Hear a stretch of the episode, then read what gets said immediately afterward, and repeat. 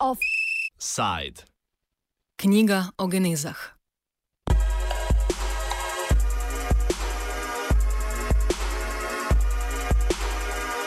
Sodišče Evropske unije je prejšnjo sredo odločilo, da se nove tehnike genskega spreminjanja organizmov regulirajo po obstoječi zakonodaji Evropske unije o regulaciji gensko spremenjenih organizmov. Sodišče je dosodilo, da organizmi, na katerih je bila izvedena mutageneza, spadajo pod direktivo GSO.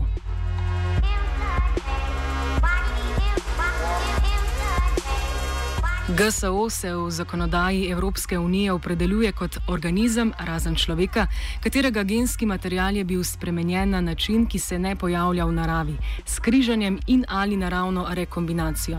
Mutageneza, drugače kot transgeneza, zajema vse tehnike, ki omogočajo spremembo genoma živega bitja brez ustavitve tujega DNK. Tehnike mutageneze so omogočile razvoj sort semen, odpornih na selektivne herbicide.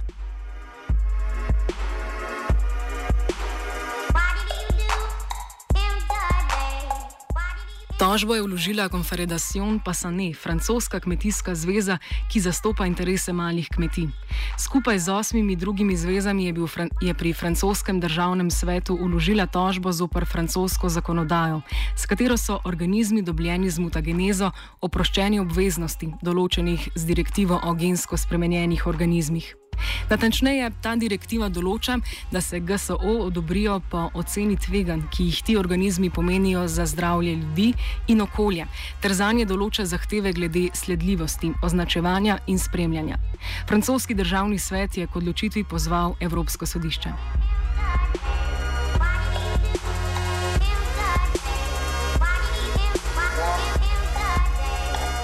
Konfederacijon pa se ne in preostala društva trdijo, da so se tehnike mutageneze s časoma spremenile. Pred sprejetjem direktive o GSO so se uporabljale same samo konvencionalne ali naključne metode mutageneze in sicer na celih rastlinah.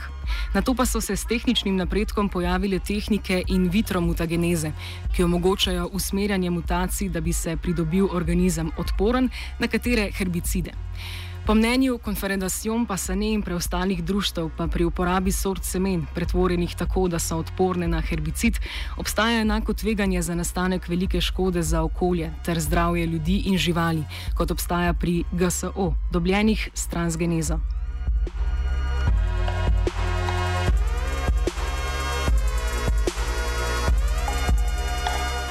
Odločitev je razklala agrokulturni svet na dva tabora. Največje razočaranje je prišlo strani velikih podjetij, ki so vložila v razvoj mutageneze, medtem ko na strani nevladnih organizacij proslavljajo. Več o tem, komu je vključitev mutageneze v direktivo o GSO koristila in komu škodila, pove Nina Holland iz Corporate Europe Observatory.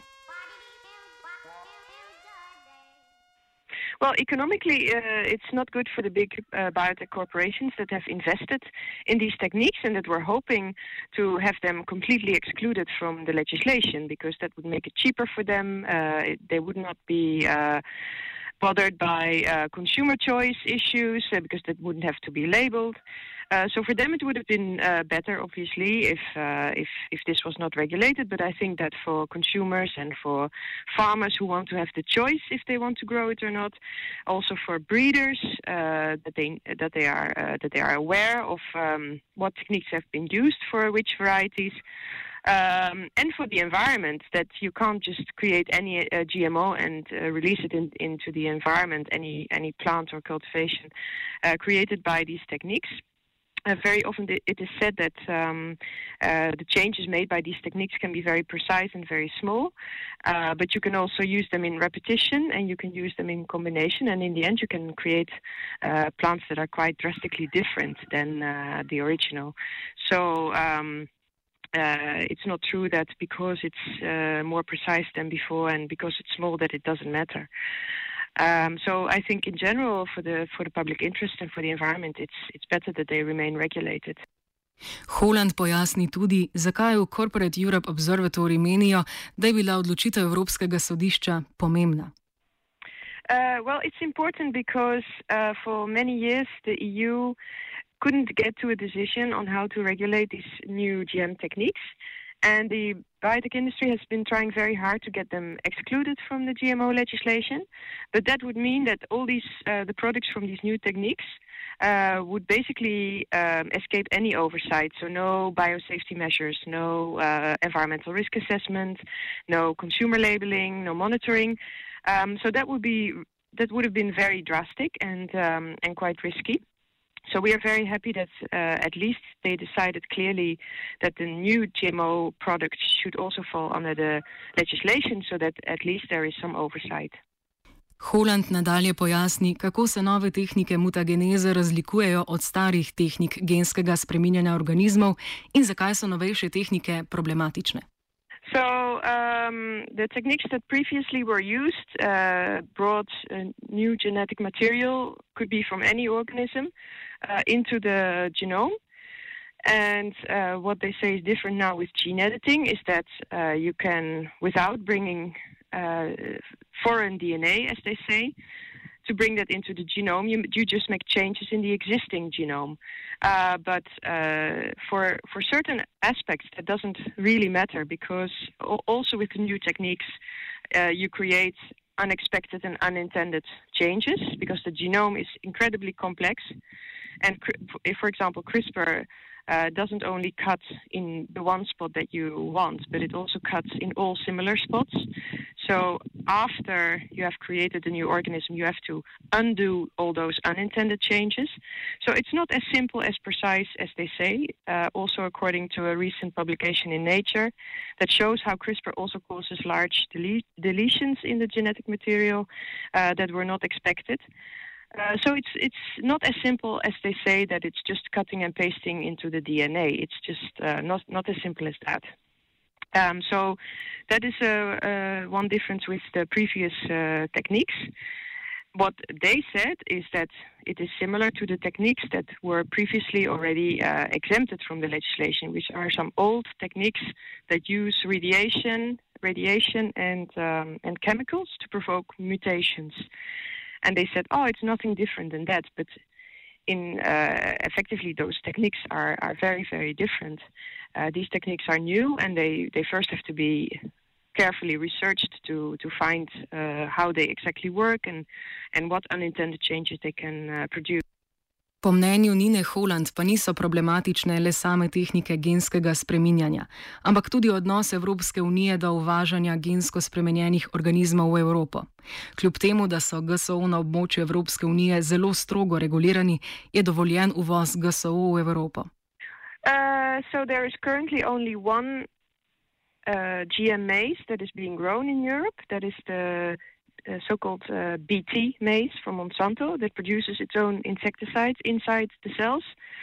Uh, it's only uh, produced in, in a bit in in Spain. Um, in in fact, all the uh, nearly all the European countries have decided that they don't want to grow GMOs, but they do import them. So they uh, that is a bit uh, unfair, you could say. So they, they are fine with the fact that herbicide tolerant soya is grown in South America. They're happy to import it because it's cheap, uh, but they're not fine with growing it. Um, and of course, we would also like to stop these imports of these uh, soya that is grown in a very unsustainable way as well. Um, so uh, something else that is allowed is these old techniques. The mutagenesis techniques with radiation and, and chemicals uh, has already produced uh, a certain amount of varieties that are used in, in food production in, in Europe. Uh, but they are not the same. They they are not uh, exactly the same as as uh, GMOs like the herbicide tolerant soya. Iz bolj strokovnega pogleda tehnike genskega spreminjanja organizmov predstavi dr. Mojca Milavec iz Nacionalnega inštituta za biologijo. Tu gre za več različnih tehnik, um, ki se jih pač obravnava kot celota, ampak je treba res vedeti, da različne tehnike lahko dajo zelo različne rezultate. Te tehnike, ki so bile trenutno obravnavane na sodišču, so mutacije oziroma zelo majhne spremembe genoma. Medtem ko v okviru projekta pa raziskujemo oziroma proučujemo tudi drugačne tehnike, ki, so, ki lahko dajo gensko spremenjene organizme oziroma organizme, ki so po, podobni tem, če jim rečemo zdaj že konvencionalnim gensko spremenjenim organizmom. Take tehnike so naprimer um, cepljenje gensko spremenjenega cepiča na gensko nespremenjeno podlago in se ugotavlja, kako je zdaj s plodovi, naprimer na tem cepiču, ali to sodi pod eh, zakonodajo gensko spremenjeno oziroma ne. In obratno, ne, naprimer cepljenje nespremenjenega cepiča na gensko spremenjeno podlago. Kaš, kakšni so pa recimo v tem primeru plodovi, ki se bi potem uporabljali. Potem Nove tehnike so problematične predvsem zaradi majhnih mutacij, s katerimi posegajo v organizem. Rezultatov leteh pa, kljub temu, da so majhni, ne moremo vedno predvideti. Ja, trenutna zakonodaja um, pač pokriva tehnike, tukaj sem omenila, uh, naprimer to, da se uh, gensko spremenjen cepič na nespremenjeno podlago cepi, to sodi v okvir obstoječe zakonodaje.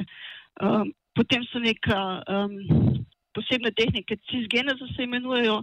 Eh, tukaj se prenaša eh, genske elemente med zelo sorodnimi eh, organizmi.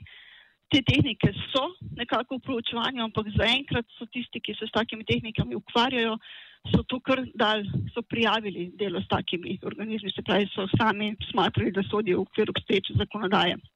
Najbolj problematični so pa te te tehnike, kjer um, so zelo majhne spremembe, se pravi majhne, uh, spre, majhne delecije, izbrisi majhnega zaporedja ali pa mutacija, ne, ker takšne spremembe lahko dobimo tudi uh, z drugimi tehnikami mutageneze, naprimer z uh, obsevanjem ali pa s kemijsko uh, mutagenezo. In te tehnike pa nekako zdaj sodišče odloča, da sodijo v okvir zakonodaje, ampak recimo že z vidika detekcije je težko reči, ali je ta organizem, ki ga zaznamo, ali pa ta produkt tega organizma, ali je ta pridobljen z, z to klasično mutagenezo, se pravi z nekim obsevanjem, ali je to pridobljeno s takšno novo tehniko, ki so sedaj pod vprašanjem. Za konec Mojca Milavec predstavi raziskovalni projekt, ki ga je razpisalo Ministrstvo za okolje in prostor. V raziskavi sodelujejo Kmetijski inštitut, Nacionalni inštitut za biologijo in Biotehnička fakulteta v Ljubljani. Več Milavec. No, v Sloveniji trenutno poteka uh, projekt, in sicer ciljno raziskovalni uh, projekt v okviru te scheme uh, na temo novih tehnik. Projekt je razpisalo Ministrstvo za okolje in prostor z namenom, da se pač te tehnike nove prouči in ugotovi, ali je potrebno mogoče kakšno dodatno ocena tveganja uh, za te novo nastale organizme, ali je mogoče uh, pri kakšnem organizmu lahko tudi manjši obseg te ocene tveganja. V tem projektu sodeluje oziroma vodi ta projekt Kmetijski inštitut Slovenije, sodelujete pa še uh, Nacionalni inštitut za biologijo in biotehniška fakulteta. Offset je pripravila Rina.